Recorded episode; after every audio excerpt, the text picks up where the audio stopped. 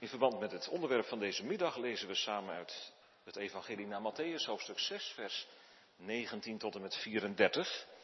En daarna zingen we Psalm 37, vers 2 en 3. Stel op de Heer in alles uw betrouwen en geen ijdele zorg doe u van het heilspoor dwalen. Psalm 37, vers 2 en 3. We lezen dus Matthäus 6, vers 19 tot en met 34. De Heer Jezus spreekt daar, verzamel u geen schatten op de aarde waar mot en roest ze verderven en waar dieven inbreken en stelen, maar verzamel schatten voor u in de hemel, waar geen mot of roest ze verderft en waar dieven niet inbreken of stelen. Want waar uw schat is, daar zal ook uw hart zijn. De lamp van het lichaam is het oog. Als dan uw oog oprecht is, zal heel uw lichaam verlicht zijn. Maar als uw oog kwaadaardig is, zal heel uw lichaam duister zijn. Als het licht dat in u is duisternis is, hoe groot is dan de duisternis zelf? Niemand kan twee heren dienen, want of hij zal de een haten en de ander liefhebben, of hij zal zich aan de een hechten en de ander minachten. U kunt niet God dienen en de mammon.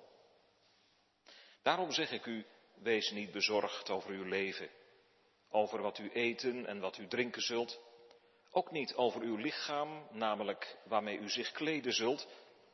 Is het leven niet meer dan het voedsel en het lichaam meer dan de kleding? Kijk naar de vogels in de lucht. Zij zaaien niet en maaien niet en verzamelen niet in schuren. Uw hemelse vader voedt ze evenwel. Gaat u ze niet ver te boven?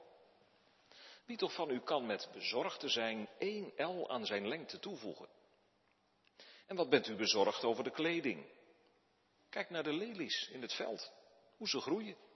Ze werken niet en spinnen niet. En ik zeg u dat zelfs Salomo in al zijn heerlijkheid niet gekleed ging als een van deze. Als God nu het gras op het veld dat er vandaag is en morgen in de oven geworpen wordt, zo bekleedt, zal hij u niet veel meer kleden, kleingelovigen? Wees daarom niet bezorgd en zeg niet, wat zullen wij eten? Of, wat zullen wij drinken?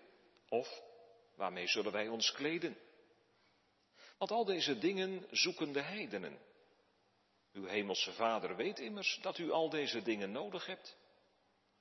Maar zoek eerst het koninkrijk van God en zijn gerechtigheid. En al deze dingen zullen u erbij gegeven worden. Wees dan niet bezorgd over de dag van morgen. Want de dag van morgen zal voor zichzelf zorgen. Elke dag heeft genoeg aan zijn eigen kwaad. Tot zover de lezing uit de Heilige Schrift. Dingen we na het amen van de bediening van het woord uit het berijmde gebed des Heren, het vijfde vers, geef heden ons ons dagelijks brood. Het gebed des Heren, vers vijf. Gemeente Heren, jongens en meisjes, wat doen we voordat we gaan eten? We gaan bidden. We vouwen onze handen, we sluiten onze ogen en we vragen onze, aan de Heer om zijn zegen over ons eten. En dat gaat vaak, denk ik, als je klein bent met dat hele bekende gebedje. Heere, zegen dit eten om Jezus wil. Amen. Maar denk je er wel eens over na waarom wij dat eigenlijk doen? Dat doen we omdat de Heer Jezus ons dat geleerd heeft. Omdat Hij tegen zijn discipelen gezegd heeft, ook dit mag je bidden. Geef ons heden ons dagelijks brood. Dat staat in het gebed dat wij het onze Vader noemen. De Vader in de hemel wil graag dat we om allerlei dingen vragen.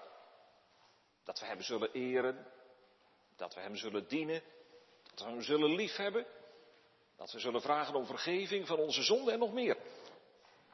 En nog meer ook, dat we vragen om eten en drinken. En dat we Hem daar ook steeds weer voor danken.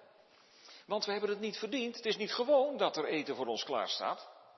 Wij zijn immers zondige mensen. Wie heeft dan brood voor ons verdiend? Wie moest er eens roepen, ik heb dorst? Dat was de Heer Jezus. En daarom bidden we, Heere, zegen dit eten om Jezus wil, omdat Hij het verdiend heeft. En daarover gaat het vanmiddag in de preek, ons bidden voor het eten. Gemeente, we luisteren naar de bede, geef ons heden ons dagelijks brood. We luisteren naar de afhankelijkheid die eruit blijkt. Vervolgens de erkenning die erin ligt, opgesloten. En tenslotte het vertrouwen dat eruit spreekt. Geef ons heden ons dagelijks brood, afhankelijkheid, erkenning, vertrouwen. Bij deze beden zijn we toegekomen aan het laatste drietal beden uit het volmaakte gebed. Om het nog maar even in herinnering te roepen. Zoals Gods wet uit twee delen bestaat, namelijk de eis van de liefde tot God en de eis van de liefde tot onze naaste, zo richt het gebed zich ook in de eerste plaats op dat wat met Gods eer te maken heeft. Uw naam, uw koninkrijk en uw wil. En daarna onze directe noden. Ons dagelijks brood, onze schulden en de verzoekingen waarmee we te maken hebben. In het gebed zoeken wij de vervulling van Gods geboden vanuit de verbondenheid aan de Heer Jezus.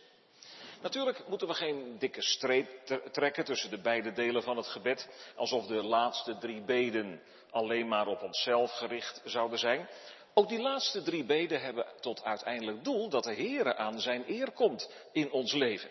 Ze willen, om zo te zeggen, de weg naar dat grote doel banen. En dat gaan we leren als we aan de Heer Jezus Christus verbonden worden door het geloof. Door Hem leren we alles, ook onze gebeden, te richten op de eer van God. Dat leren we van Hem omdat de Heer Jezus nooit anders gedaan en bedoeld heeft in zijn leven op aarde. En hoe intenser ik beleef een discipel van de Heer Jezus te zijn, hoe meer ik ga bidden van mezelf af op Hem aan. Waarom gaat nu bij deze laatste drie beden het lichamelijke voorop? En volgt daarna pas het gebed om geestelijke noden, vergeving enzovoort. Vergeving zou je zeggen, dat is toch belangrijker dan brood? Sommige mensen kunnen zich niet voorstellen dat het hier in dit gebed om gewoon dagelijks brood zou gaan. Ze lossen dat op door deze beden te vergeestelijken. Dan wordt gedacht aan het brood van het heilige avondmaal bijvoorbeeld. Of aan het levende brood dat uit de hemel is neergedaald, dat de Heer Jezus zelf is. Ja, zo duidt hij zichzelf inderdaad aan, maar daar gaat het in dit gebed niet om. Als we dat zouden doen, gemeente, dan zijn we eigenlijk bezig om de Heer te verbeteren. Al zal niemand dat bedoelen. Het is volstrekt niet nodig.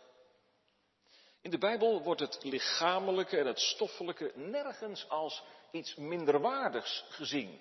De zonde schuilt niet in het stoffelijke, maar in ons hart. Het stoffelijke is door de Heere geschapen. Heel de schepping is kostbaar. De Heere onderhoudt het werk van zijn handen van dag tot dag. U doet uw hand open en verzadigt al wat er leeft naar uw welbehagen, zingt hem psalm. En zo strekt Gods zorg zich ook uit over ons lichamelijk, ons dagelijks leven. Hij wil graag dat wij met alle dingen bij Hem komen. Ook met die heel gewone en misschien in ons oog wel kleine dingen. Daar komt nog iets bij.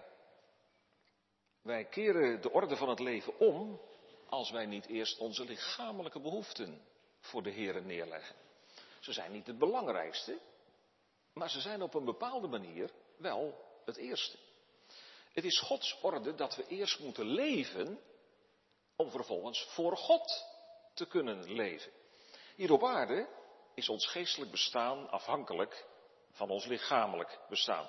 Alleen als wij lichamelijk leven, kunnen wij hier op deze aarde geestelijk God dienen. Zo geldt het althans hier op aarde. En het gaat in dit gebed om het bidden op aarde. Daarom is die bede om ons dagelijks brood en pas daarna het gebed om vergeving enzovoort. Om de Heer te kunnen dienen met al mijn krachten, heb ik, heel nuchter, dagelijks brood nodig. Dagelijks brood. Daarmee wordt eigenlijk samengevat wat wij nodig hebben voor ons leven, voor ons lichamelijk bestaan. Brood was in Israël het belangrijkste voedingsmiddel en dat is het feitelijk onder ons ook nog steeds. En brood is hier dan ook bedoeld als een deel voor het geheel. Wij spreken ook wel eens over iemand die zijn brood heeft. Of we kennen de uitdrukking, er moet brood op de plank komen. Als het gaat over ons werk bijvoorbeeld. Hè? En daarmee bedoelen we, we moeten in al onze dagelijkse levensbehoeften kunnen voorzien. We kunnen dat dus uitbreiden tot kleding, schoenen, huisvesting en noem maar op. Met al die dingen, grotere en kleinere, mogen wij bij de Here komen. Hij wil ons graag bij zich hebben, ook met deze dingen. Here wil ons met alles wat wij nodig hebben voor ons lichamelijk bestaan verzorgen. Daaruit blijkt een diep besef van afhankelijkheid. Wil ons verzorgen. Wij kunnen het niet zelf. Zelfs in 2023 niet. Met al onze wetenschap en techniek. Als wij regen nodig hebben, zoals nu, dan kunnen we met onze beregeningsinstallaties wel iets doen, maar toch maar beperkt. Als wij zonnestralen nodig hebben voor het gewas, dan kunnen we ze al helemaal niet tevoorschijn roepen. Verzorg ons, heren. Wij kunnen het niet. En we hebben er ook geen recht op. Omdat we zelfs het kleinste stukje brood verzondigd hebben. We kunnen alleen maar genadebrood eten. Gemeente, proeven we Gods goedheid wel eens in onze boterham. Wat een genade. Wat een onverdiende zorg voor een zondaar, zoals ik. Wie dat gaat zien, heeft zijn mond niet vol meer met eisen. Wij eisen dit en dan ook nog eens zoveel. Natuurlijk praat de Bijbel daarmee onderbetaling en graaigedrag en onrechtvaardige verdelingen van goederen niet goed. Daarover wordt door oud-testamentische profeten en ook door de Heer Jezus en ook door iemand als Jacobus in zijn brief hartige dingen gesproken. De laatste, Jacobus, schrijft bijvoorbeeld, zie, het loon van uw arbeiders die uw velden gemaaid hebben, dat door u achtergehouden is, schreeuwt tot God. En dan zegt hij dus tegen die rijke boeren, je moest je schamen. Maar dat rechtvaardigt nog niet om de barricades op te gaan met onze eisenpakketten. Dat past een afhankelijk mens niet. Zeker mogen we in onze samenleving proberen om door overleg tussen werkgevers en werknemers goede afspraken te maken. En we mogen, en dat hopen we straks ook zeker te doen, bidden voor hen die daarbij betrokken zijn. Misschien doen we dat ook wel eens te weinig. Misschien denkt iemand vanmiddag, ach, de maatschappij is hard. Het is waar. Maar dat was de samenleving in bijbelse tijden ook al. Maar diezelfde brief van Jacobus die ik zojuist aanhaalde, heeft dan ook wel het een en ander te zeggen over de houding van christenen in een maatschappij waarin hun onrecht wordt aangedaan. Wat zegt hij dan? Wees daarom geduldig, broeders, tot de komst van de Heer. Onrecht, ook als we dat zelf ervaren, doet ons, als het goed is, meer uitzien naar de komst van de Heer Jezus waarin Hij alle dingen recht gaat zetten. Nu zouden we de vraag kunnen stellen, gemeente, wat hebben we nu echt nodig voor ons leven? Wat valt daar nu eigenlijk onder? Nou, laten we eerlijk en nuchter met elkaar constateren dat die behoeften zich in de loop van de eeuwen nogal gewijzigd hebben. Ze zijn ook mede afhankelijk van het land waarin wij leven en het werelddeel waarin wij ons bevinden. Wij slaan bijvoorbeeld geen vacht meer om ons heen. Zoals onze Germaanse voorouders deden. Wij hebben behoefte aan passende kleding. Wij leven niet meer onder de blote hemel.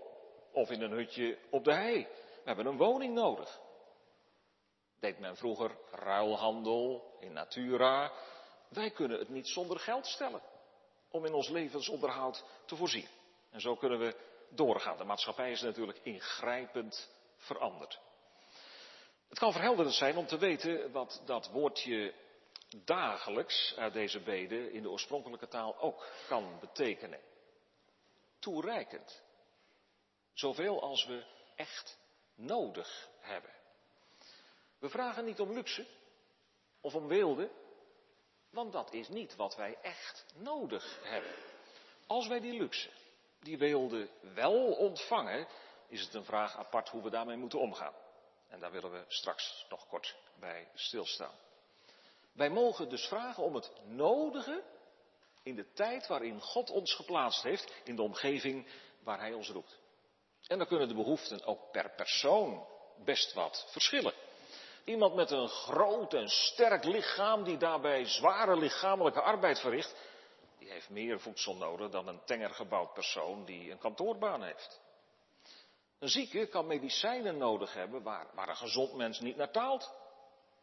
Maar wat onze werkelijke behoeften ook zijn, laten we ze altijd bij de Here brengen. Doe dat ook vrijmoedig, als het op dit moment misschien lastig is om rond te komen.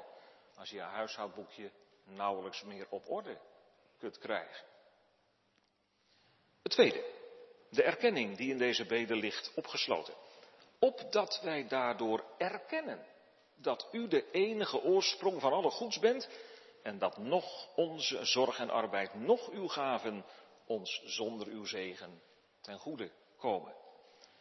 Daar schuilt de erkenning in die opnieuw Jacobus in zijn brief zo uitdrukt. Elke goede gave en elk volmaakt geschenk komt van boven, van de Vader der lichten.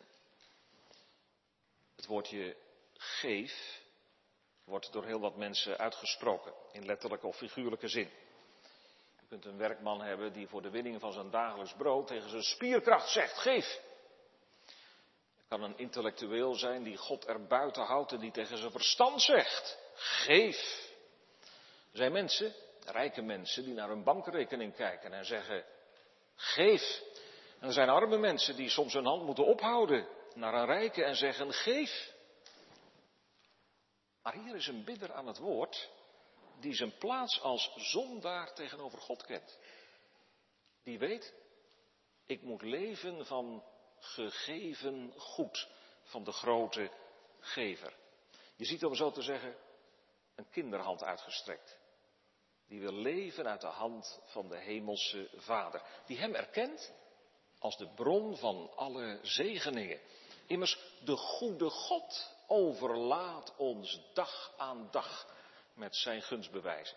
Gemeente, een mooie oefening vanavond om daar nou eens over na te denken. Wat heb ik vandaag, in de week die achter ons ligt, aan gunstbewijzen van God ontvangen? Om ze eens te benoemen en hem ervoor te prijzen. En daarom vouwen we onze handen om die erkenning te onderstrepen. En zou de Heer het dan niet waard zijn, gemeente, dat we dat niet alleen thuis doen, maar ook in een restaurant, in de werkkeet, op school. Daar gaat trouwens ook een stil getuigenis van uit. Naar buiten toe. Dat kan je zomaar een vraag opleveren. Waarom doe jij dat eigenlijk? Nou, dat is, zou ik dan willen zeggen, een bal voor open doel. Dan heb je zomaar de gelegenheid om een goed woord over de Heer te spreken. Over Hem, die ons dagelijks leven onderhoudt, maar die nog veel meer wil geven, die ook brood voor het hart wil geven in de persoon van de Heer Jezus. Maar gemeente, als je nou zo bidt om je dagelijks brood, dus erkent dat je uit Gods hand moet leven, zou dat ook geen luiheid in de hand kunnen werken. Iemand zou kunnen zeggen, als ik er nou om bid, dan zal het toch vanzelf wel naar me toe komen. Waarom zou ik er dan nog moeite voor doen? Nou, iemand zei het is zo, God voedt de vogels, we hebben dat gelezen uit Matthäus 6, God voedt de vogels, maar ze moeten er wel voor vliegen. En daarom vragen we gemeente niet alleen maar om brood, maar we vragen ook om ons brood. Het is Gods brood, maar door het werken heen mag het ook ons brood worden. Althans, wanneer de Heer ons de gezondheid en de gelegenheid geeft om te werken en we nog niet de pensioengerechtigde leeftijd hebben bereikt. En als we wel gezond zijn, maar soms geen werk hebben, mag dat ook iets zijn wat we in het gebed bij de Heer brengen. Maar overigens, ons brood. De catechisme spreekt hier terecht over onze zorg en inspanning die we aan het verkrijgen van ons dagelijks brood besteden. Gods gave sluit onze verantwoordelijkheid, onze inspanning niet uit, maar in. Wie niet bereid is zich in te spannen, nogmaals, als je in de gelegenheid bent en de gezondheid hebt om te werken, wie niet bereid is om zich in te spannen, die kan deze beden niet van harte meebidden. Bidden en werken moeten samengaan. Arbeid is de normale weg waarlangs de Heer ons zijn gaven laat toekomen. Het verdrietig als je lichamelijk niet meer in staat bent om te werken. Als je noodgedwongen het arbeidsproces voortijdig moet verlaten, terwijl je graag nog aan het werk was gebleven. Het kan een heel proces zijn om dat te leren accepteren. En ook daarin mogen wij om de hulp en de bijstand van de Heer bidden. Uiteraard kan de Heer ook in onze noden voorzien buiten het reguliere arbeidsproces om. Veertig jaar lang heeft de Heer Israël met manna, met het brood uit de hemel gevoed. Toen aan het einde van de hongerwinter in 1945 Engelse vliegtuigen voedselpakketten afwierpen boven ons land, hebben velen dat ervaren als manna, als brood uit de hemel. Dat dat wonder zich herhaalde. Ze zagen er terecht Gods goede hand in. En zo zijn er meer voorbeelden. Ik denk aan een oude zuster die, die al lang overleden is, die ik jaren geleden eens sprak en die vertelde over de crisisjaren. Nou, daar weten wij natuurlijk al helemaal niks meer van. Maar je moet je voorstellen, de crisisjaren, de jaren 30 van de vorige eeuw. Meer dan eens waren er dagen dat ze niet wist hoe ze haar grote gezin moest voeden. En ze bracht haar nood voor de Heer. En steeds weer stond er in de schuur iets wat voor die dag voldoende was. En ze wist tot op de dag dat ze me vertelde, vele, vele jaren later, niet wie dat ooit gedaan heeft. Maar de regel blijft dat we een taak van de Heer hebben ontvangen en geroepen worden om die met trouw en ijver uit te voeren. En ook op die manier blijft ons dagelijks brood brood van genade. Hij is het die ons de kracht geeft om te werken en die ons na gedane arbeid ook rust wil geven om nieuwe krachten op te doen. Hij laat van ogenblik tot ogenblik ons hart kloppen en ons bloed stromen. Het komt allemaal bij Hem vandaan. Ons brood. Dat plaatst ons tegelijkertijd ook in een bredere gemeenschap. Allereerst, zoals de Bijbel dat noemt, de huisgenoten van het geloof. Anderen, die waar ook ter wereld de Heere lief hebben. Die sluiten we bij deze beden in. En als de Heer ons zegent met zijn gaven, dan zullen we ook hen erin laten delen. Een sterke stimulans voor diaconale hulpverlening in de brede zin van het woord. Dat mag via onze diakenen gebeuren, maar dat mag je ook persoonlijk doen in het overmaken van giften. Mogen ook projecten van de kerk elders in deze wereld samen steunen. Maar het is ook nog breder. De Heer zegt, doe ook goed aan allen. Dan sluiten we de noden van al onze naasten in. En dan proberen we naar vermogen bij te dragen in de leniging van hun noden.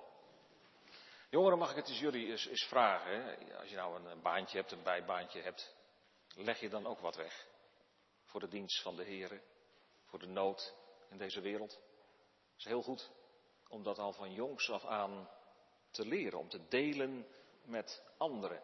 We leren het onze hele kleine kinderen al, hè? als ze een snoepje, laat maar zeggen een rol snoep krijgen, om dan ook wat te delen met dat andere kind dat in de kamer is. Nou jongeren, zo ook maar leren om al heel vroeg te delen met anderen in de wereld.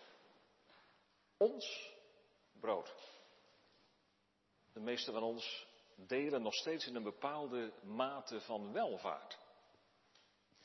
En als we daar niet goed mee omgaan, dan wordt die welvaart voor ons een valstrik. Die ons zelfs voor eeuwig verloren doet gaan. Vooral het evangelie naar Lucas waarschuwt daar keer op keer voor. Daar vind je gelijkenissen die de Heer Jezus gesproken heeft, die alleen Lucas heeft opgetekend. Zien we het vandaag niet massaal gebeuren? Zoveel mensen die bewust of onbewust geld en goed tot het fundament van hun bestaan hebben gemaakt. En wij mogen wel vragen, Ik ben het toch niet, heren? Misschien wilt u eens even met mij meebladeren naar in dit opzicht ook een belangrijk gedeelte, 1 Timotheus 6.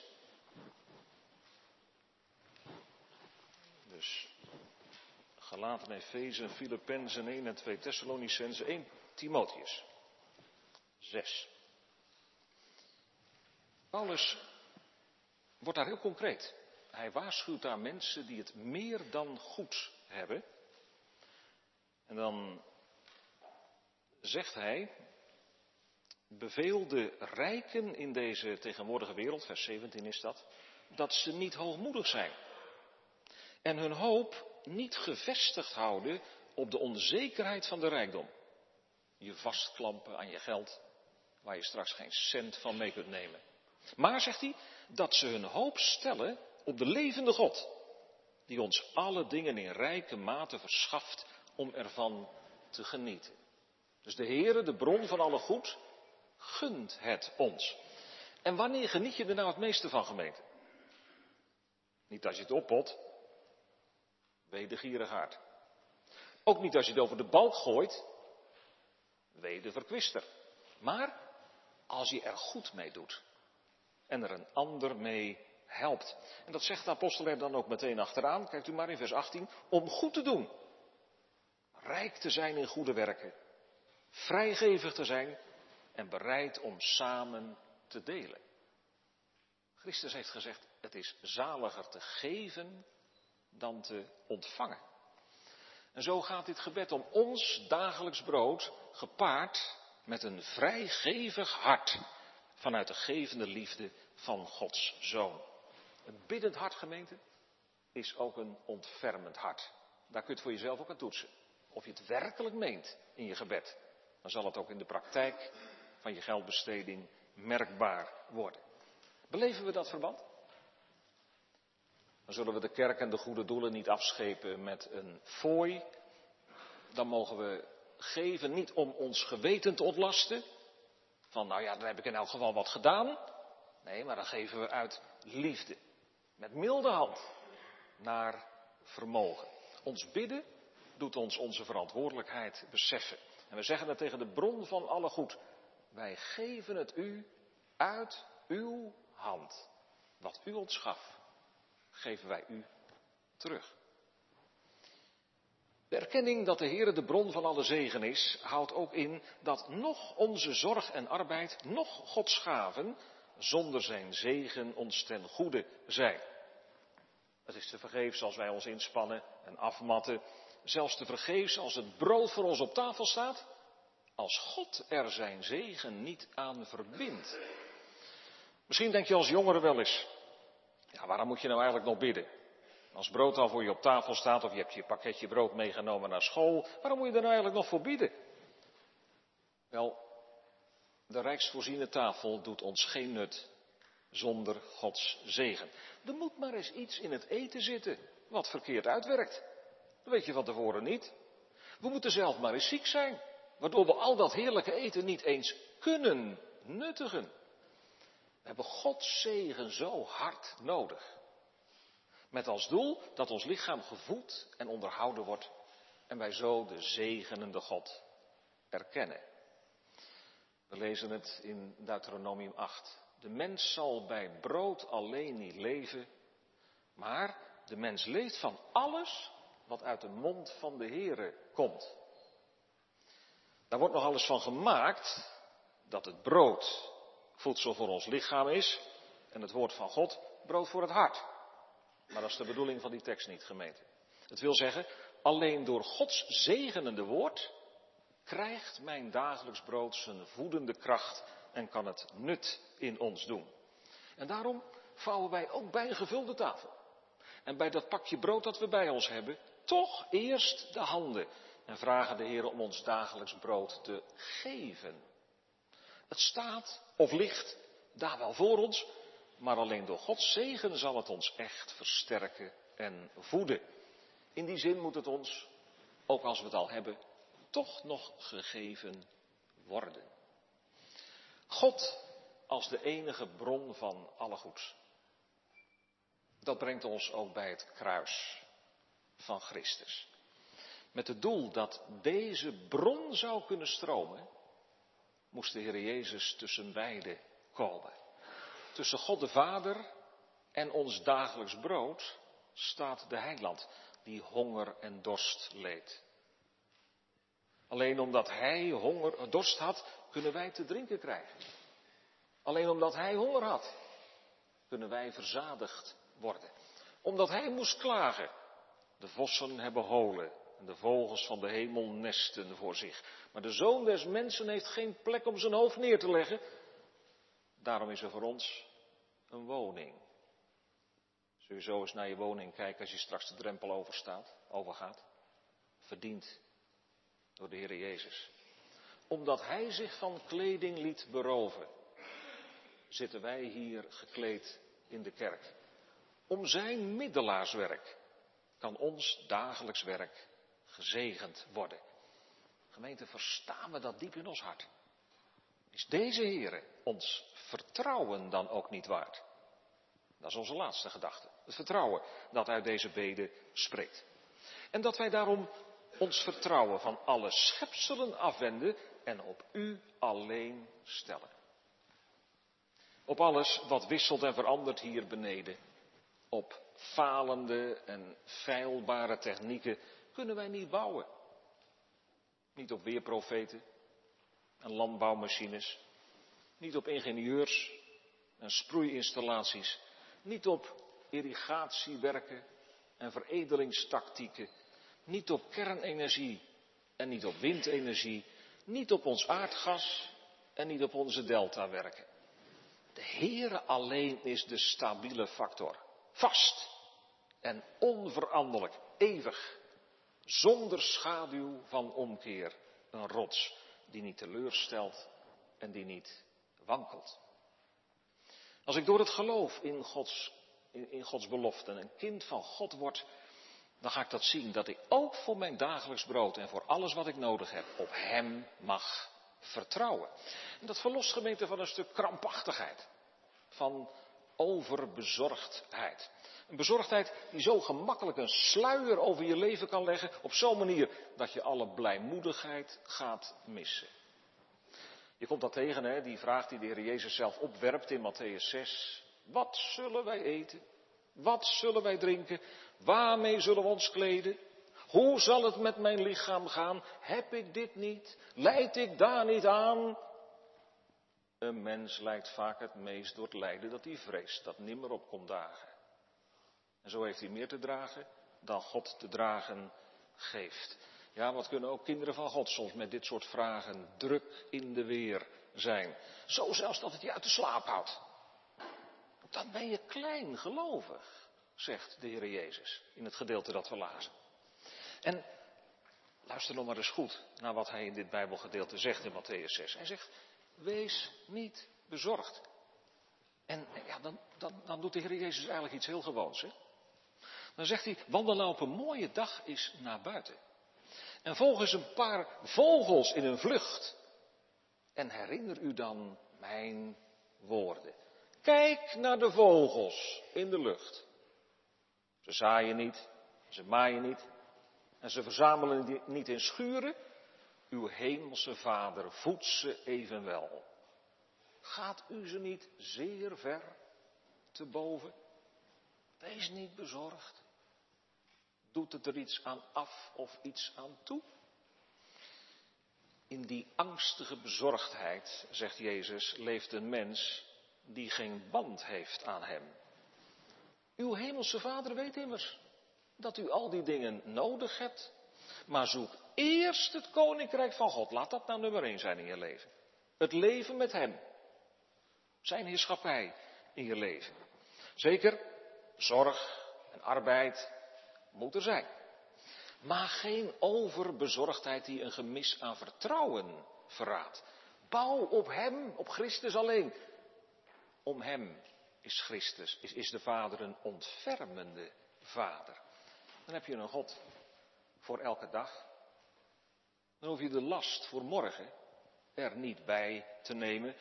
Je weet trouwens niet eens of je er dan nog bent. Mens kan zich zorgen maken over dingen die misschien wel nooit komen. Elke dag wil de Heer ons graag bij zich zien. Afhankelijk. Terwijl je Hem erkent en vertrouwt. Jongeren, er was eens een, eh, een jongen, die kreeg elke dag wat zakgeld van zijn vader. Maar dat werd die jongen een beetje zat in die zin dat hij zei, pa, kunnen we niet de afspraak maken dat ik het gewoon één keer per week krijg? Dat is veel makkelijker. Hé jongen, zei zijn vader, ik zie je graag elke dag even bij me. En daarom elke dag een beetje zakgeld. Zo worden we voor elke dag opnieuw aan de bron van alle goeds verbonden. Zo leef je, nederig en blijmoedig. Zorgend, maar niet bezorgd. Uit de milde hand van de Vader, om Jezus wil. Wat zou je nou dan meer willen, gemeente? Het is voldoende voor één dag te bidden en te zorgen. Wat heden u ontmoeten moog, de Heer regeert ook morgen. Het is genoeg dat elke dag zijn last is toegemeten. Die heden zorgt, zal stellig ook morgen u niet vergeten. Zie daarom niet zo ver vooruit met zuchten en met zorgen. Wie heden op zijn God vertrouwt, ziet zijn hulp ook morgen. Zijn trouwens elke morgen nieuw. Het was gisteren zo en heden. Wie op die trouw zich nu verlaat, kan moedig voorwaarts treden. En is de laatste stap gedaan, de laatste band verbroken, dan roepen wij met blijdschap uit. Heer, niets heeft ons ontbroken. Amen.